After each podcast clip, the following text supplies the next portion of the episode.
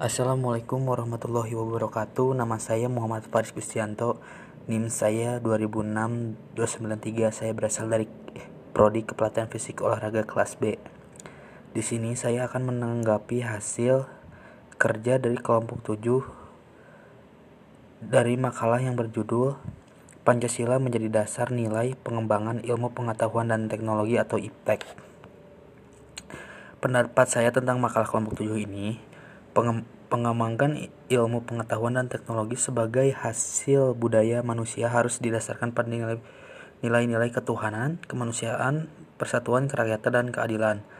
Saya setuju dengan apa yang telah dipaparkan oleh kelompok 7 bahwa pengembangan ilmu pengetahuan dan teknologi harus didasari bahkan pondasinya harus berasal dari Pancasila karena dengan adanya perkembangan ilmu pengetahuan yang semakin pesat dan perkembangan budaya yang masuk dari berbagai negara dan dunia internasional bisa menjadi penyeimbang antara perkembangan ilmu teknologi, perkembangan budaya, dan budaya yang ada di, di Indonesia sendiri agar ke depannya tidak terjadi kesalahpahaman.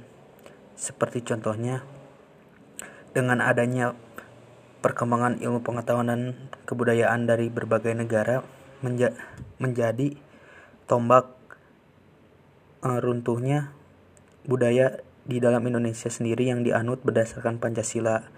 Oleh karena itu, kita sebagai warga negara Indonesia harus menyeimbangkan antara perkembangan ilmu pengetahuan teknologi dan perkembangan budaya dengan nilai-nilai yang tercantum di dalam Pancasila agar apa yang telah dianut oleh warga negara Indonesia sejak dahulu kala tidak terhapus dengan perkembangan zaman saat ini. Mungkin hanya itu saja yang bisa saya sampaikan. Mohon maaf bila ada kesalahan dan kekurangan. Wabillahi taufiq wal hidayah. Wassalamualaikum warahmatullahi wabarakatuh.